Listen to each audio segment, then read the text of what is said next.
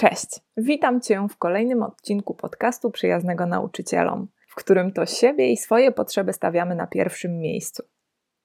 Praca nauczyciela wymaga od nas ciągłego rozwoju zawodowego, skupienia na naszych uczniach, podążania za zmianami w podstawie programowej, ogromnej ilości empatii i energii.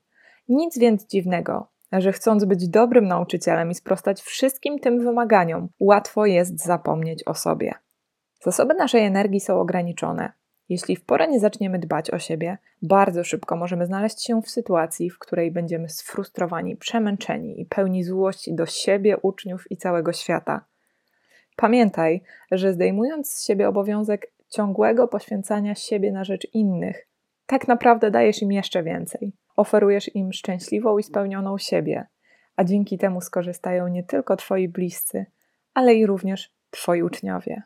W dzisiejszym odcinku porozmawiamy o tym, skąd tak naprawdę bierze się nasze nauczycielskie przemęczenie, które tak często nam towarzyszy.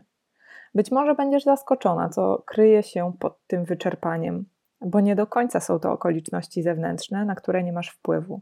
Tak, ja też myślałam, że moje przemęczenie wynika z tego, co na zewnątrz, aż do momentu zmiany stanowiska pracy, gdzie okazało się, że pomimo totalnie innych okoliczności, moje odczucia były dokładnie takie same jak poprzednio. Podobnie jak schematy działania i pojawiające się myśli. To był dla mnie sygnał, że jeśli chcę żyć w zgodzie ze sobą, odpowiedzi muszę szukać gdzieś indziej, bo zmiana okoliczności wcale nie pomogła. Podzielę się też z Tobą świetnym narzędziem, dzięki któremu udało mi się w dużej mierze zredukować stres i nauczycielskie przemęczenie. Pokażę Ci krok po kroku, jakie działania podejmuję, żeby tworzyć życie w zgodzie ze sobą. Wszyscy chcemy mieć wpływ na to, jak wygląda nasza rzeczywistość, a czasem mała zmiana w postrzeganiu tego, co dookoła nas, jest w stanie wpłynąć na to, jak się czujemy. Niestety nie ma tutaj magicznej różdżki, która nagle wszystko odmieni, ale sama świadomość, że możesz mieć wpływ na swoje uczucia, jest bardzo uwalniająca. Na pewno bardziej niż wiara w to, że to okoliczności muszą się zmienić, żebyśmy mogli prowadzić życie, o jakim marzymy. Nie będę ci ściemniać. Nie jestem ideałem i mi też zdarza się stresować pracą lub być przemęczoną. Jednak znając siebie, sposoby na samoregulację i zmiany sposobu myślenia, dużo szybciej potrafię rozpoznać, co mi nie służy i wrócić na dobre tory. Nie zawsze jednak tak było. Gdy wspominam poprzednie lata nauczycielskiego życia, tryb przetrwania był moją codziennością w trakcie roku szkolnego. Nie miałam pojęcia, że tak naprawdę to praca nad moim wnętrzem i zmiana myślenia może zmienić moje postrzeganie, a nie zmiana okoliczności. Dużo się mówi o rozwoju zawodowym nauczyciela. Na rynku dostępnych jest mnóstwo wartościowych szkoleń dotyczących przeróżnej tematyki. Super, że jest taka możliwość, jednak moim zdaniem, zanim pomyślisz o kolejnych studiach podyplomowych lub certyfikowanym szkoleniu, które sprawi, że przybędzie ci punktów do odhaczenia z listy, warto najpierw zająć się sobą i znaleźć odpowiedzi na kluczowe dla ciebie pytania: czego chcesz w życiu? Jakie wartości są dla ciebie ważne? W czym jesteś dobra, a jakie są twoje obszary do rozwoju? Skupić się na swoim postrzeganiu świata, swoich myślach, które mają ogromny wpływ na to, jak się czujesz. Dopóki nie zajmiemy się tym, co pojawia się w naszych głowach, pozwalamy myślom i uczuciom przejmować nad nami kontrolę. Jeśli świadomie wybierasz myśli, które cię wspierają, życie staje się dużo prostsze. Nie wydarzy się to od tak, jak za pstryknięciem palcem. To kwestia pracy nad sobą. Nasz mózg wybiera znane ścieżki, z których korzystałaś do tej pory, ale jeśli z uważnością będziesz wyłapywać te niewspierające myśli i świadomie zamieniać je na takie, które będą ci pomagać, po czasie zauważysz ogromne zmiany. Zapewniam. Jeśli jesteś ze mną po raz pierwszy, zachęcam do wysłuchania poprzedniego odcinka, w którym opowiadam o swojej drodze, jakie wydarzenia w moim życiu doprowadziły do zmiany mojego zachowania i postrzegania siebie jako nauczycielki. Przez większość mojego zawodowego życia myślałam, że przemęczenie i wyczerpanie jest wpisane w życie nauczyciela. Z utęsknieniem czekałam na święta, ferie, wakacje, aż w końcu zrozumiałam, że nie chcę takiego życia. Nie chcę przeczekiwać dni pracy i żyć od weekendu do weekendu. Chcę mieć wpływ na to, jak wygląda moja codzienność. Ta decyzja była bardzo uwalniająca. W końcu poczułam, że to ja jestem odpowiedzialna za swoje myśli, uczucia i podejście. Mam wpływ, mogę coś zmienić. Mogę żyć w zgodzie ze sobą. Z jednej strony to odkrycie było szokujące, bo podważało moje wcześniejsze przekonania dotyczące pracy nauczyciela, a z drugiej bardzo uwalniające, bo dawało nadzieję na zmiany i życie w zgodzie ze sobą. Wreszcie poczułam, że to ja mam kontrolę nad tym, jak wygląda moje życie, a nie okoliczności, na które nie miałam wpływu, a które wcześniej obwiniałam o to, co pojawiało się w mojej głowie, o to, jak się czułam i jakie decyzje podejmowałam. Wszystko zaczyna się od myśli, a myśli wpływają na to, jak się czujesz, jakie decyzje i działania podejmujesz. Tak naprawdę to nie okoliczności wpływają na to, jak się czujesz, a to, co o nich myślisz. W Twojej głowie pojawia się myśl, że masz tyle do zrobienia, nie wiesz za co się zabrać. Chciałabyś przygotować super karty pracy dla swoich uczniów, zaplanować lekcje na najbliższe dni, porozmawiać z rodzicami ucznia, znaleźć sposoby na kreatywne przedstawienie nowych informacji, uczestniczyć w ciekawym szkoleniu online, sprawdzić testy, prace domowe, uzupełnić papierologię, a przy tym warto by było zadbać o pranie, zakupy, gotowanie, wartościowy czas spędzony z bliskimi, no i czas dla siebie. Tylko kiedy? Chciałabyś dać z siebie 100%, nikogo nie zawieść, ale ta lista do zrobienia jest tak długa i wymagająca. No i zgadnij, co się dzieje. Od razu czujesz się przytłoczona. Co robisz? Ja w takich sytuacjach albo odwlekałam zrobienie czegokolwiek do ostatniej chwili, bo byłam tak przemęczona i sfrustrowana samą myślą o tym, co mam do zrobienia, albo skupiałam się na zadaniach, które nie były priorytetami, ale dawały mi poczucie, że przecież coś robię tak naprawdę wcale nie skracały mojej listy. Czułam się jak w pułapce, z której nie było wyjścia. W mojej głowie pojawiła się myśl, że będę zmęczona, bo jest tyle do zrobienia. I tak się działo. Moje myśli stawały się moją rzeczywistością. Mimo, że wcale nie odhaczałam wszystkich punktów z tej listy, już czułam się wyczerpana. Tak często powtarzałam te myśli o przemęczeniu. W sumie nie były to tylko myśli, bo rozmawiając z bliskimi też bardzo podkreślałam swoje wyczerpanie i liczbę zadań do zrobienia.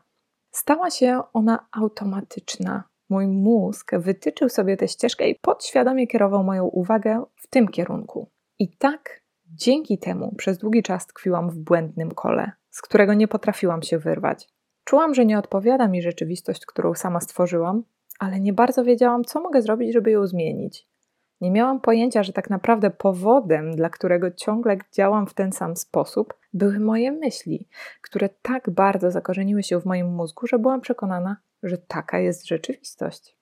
To, o czym mówię, nie jest niczym odkrywczym. Ja sama wcześniej nieraz słyszałam o tym, że nasze nastawienie i myśli mają ogromny wpływ na naszą rzeczywistość. Ale czy w codziennym biegu zatrzymujemy się i skupiamy się nad tym, co pojawia się w naszych głowach? Ja przez długi czas tego nie robiłam, działałam automatycznie, a efekty tego działania prawie doprowadziły mnie do wypalenia zawodowego.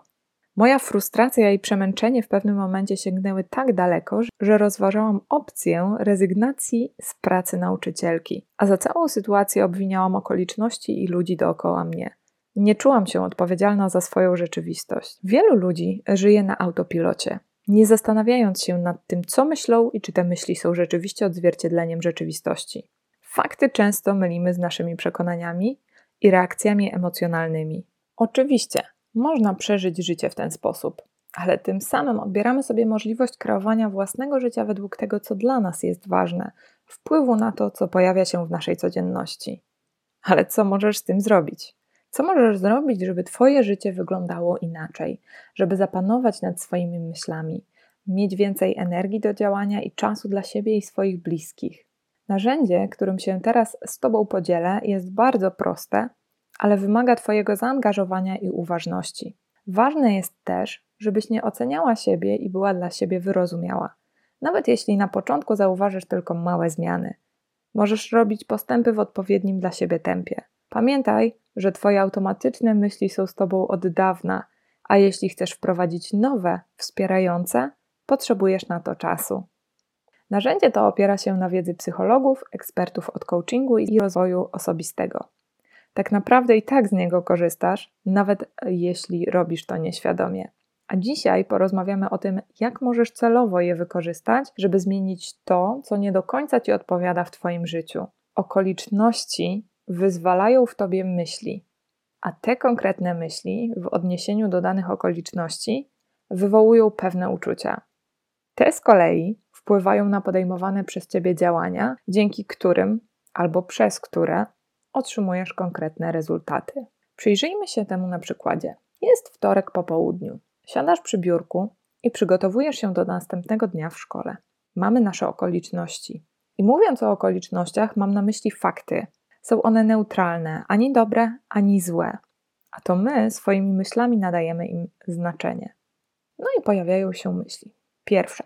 Muszę sprawdzić testy, bo zaraz mija termin oddania. Uczniowie będą dopytywać. Druga. Wprowadzam nowy temat w piątej A. Muszę wymyślić coś kreatywnego, żeby zaangażować uczniów. Trzecia myśl. Muszę zrobić dodatkowe karty pracy dla siódmej B, bo w podręczniku ten materiał jest potraktowany bardzo pobieżnie, a zależy mi na tym, żeby dobrze to opanowali. Czwarta myśl. Muszę uzupełnić dziennik. Dyrekcja się wkurzy, bo nie robię tego na czas. Piąta. No mam tyle do zrobienia. Chciałam obejrzeć wieczorem nowy serial z mężem. Raczej nic z tego. Mam tyle do zrobienia. No i przechodzimy do uczuć. Niech zgadnę. Czujesz się przytłoczona i zdenerwowana. Tak naprawdę te uczucia są wynikiem Twoich myśli, nie okoliczności. No i wracając do naszego modelu, mamy okoliczności, które wywołują myśli, które wywołują uczucia, te wywołują działania i w efekcie mamy rezultaty. No i jakie działania podejmiesz przy takich myślach? Ja w takich sytuacjach spędzałam sporo czasu myśląc nad tym, ile mam do zrobienia i odciągając moment rozpoczęcia. Gdy w końcu zaczynałam i próbowałam skupić się na jednej rzeczy, moje myśli automatycznie przeskakiwały na inny punkt na liście, przez co każde zadanie zajmowało mi mnóstwo czasu, a ja nie byłam zadowolona z efektów końcowych. Zawsze przecież można było coś zrobić lepiej. I tak mijał mi cały wieczór. W rezultacie byłam bardziej zmęczona tym, co działo się w mojej głowie, niż realnym działaniem. A dodatkowo nie miałam czasu ani dla siebie, ani dla swoich potrzeb, ani dla swoich bliskich. Teraz, gdy czuję, że coś nie do końca mi odpowiada, wywołuje we mnie negatywne emocje, siadam z kartką i zapisuję po kolei okoliczności, myśli, uczucia, działania, rezultaty i uzupełniam. Ważne jest też, żeby skupić się na jednej konkretnej myśli. Jeśli pracujemy z wieloma myślami naraz, a często tak się dzieje, gdy działamy nieświadomie, mamy poczucie przeładowania. Trudno jest nam uporządkować wszystko, co pojawia się w naszej głowie. Ale spokojnie, selekcji myśli możemy się nauczyć. Zerknijmy jeszcze raz na nasz przykład. Jest wtorek po południu. Siadam przy biurku, przygotować się na następny dzień pracy. Jakie myśli pojawiają się w mojej głowie? Sprawdzam testy 6C. Jest dużo zadań jednokrotnego wyboru, więc pójdzie szybko, a później będę miała czas na serial z partnerem. Widzisz, jaka zmiana nastąpiła w tej myśli? Jest ona bardziej wspierająca, pokazuje mi, że mogę to zrobić szybko, wiem jak mam zrobić i później będę miała czas na przyjemność. Jakie działania podejmuję? Biorę do ręki pierwszy test, mój ulubiony długopis, nastawiam minutnik na 30 minut i działam. Jaki jest rezultat? Testy sprawdzone w pół godziny. Jestem zadowolona z tego, że tak szybko mi poszło i mogę działać z kolejnymi punktami. Brzmi obiecująco? Pamiętaj, że taka zmiana nie wydarzy się od razu. Jednak pracując nad sobą i ćwicząc uważność na swoje myśli, próbując je zmieniać na bardziej wspierające, jesteś w stanie przerwać to błędne koło przemęczenia i wprowadzić trwałą zmianę. Trzymam za Ciebie kciuki. Dziękuję, że byłaś dzisiaj ze mną. Jestem bardzo ciekawa Twojego odbioru tego odcinka, dlatego będzie mi bardzo miło, jeśli podzielisz się ze mną swoją opinią. Zapraszam Cię też na moje konto na Instagramie, gdzie znajdziesz mnie pod nazwą mag.janiec. Na swoim koncie dzielę się swoimi refleksjami i nauczycielskimi inspiracjami. Dzięki jeszcze raz i do usłyszenia w kolejnym odcinku.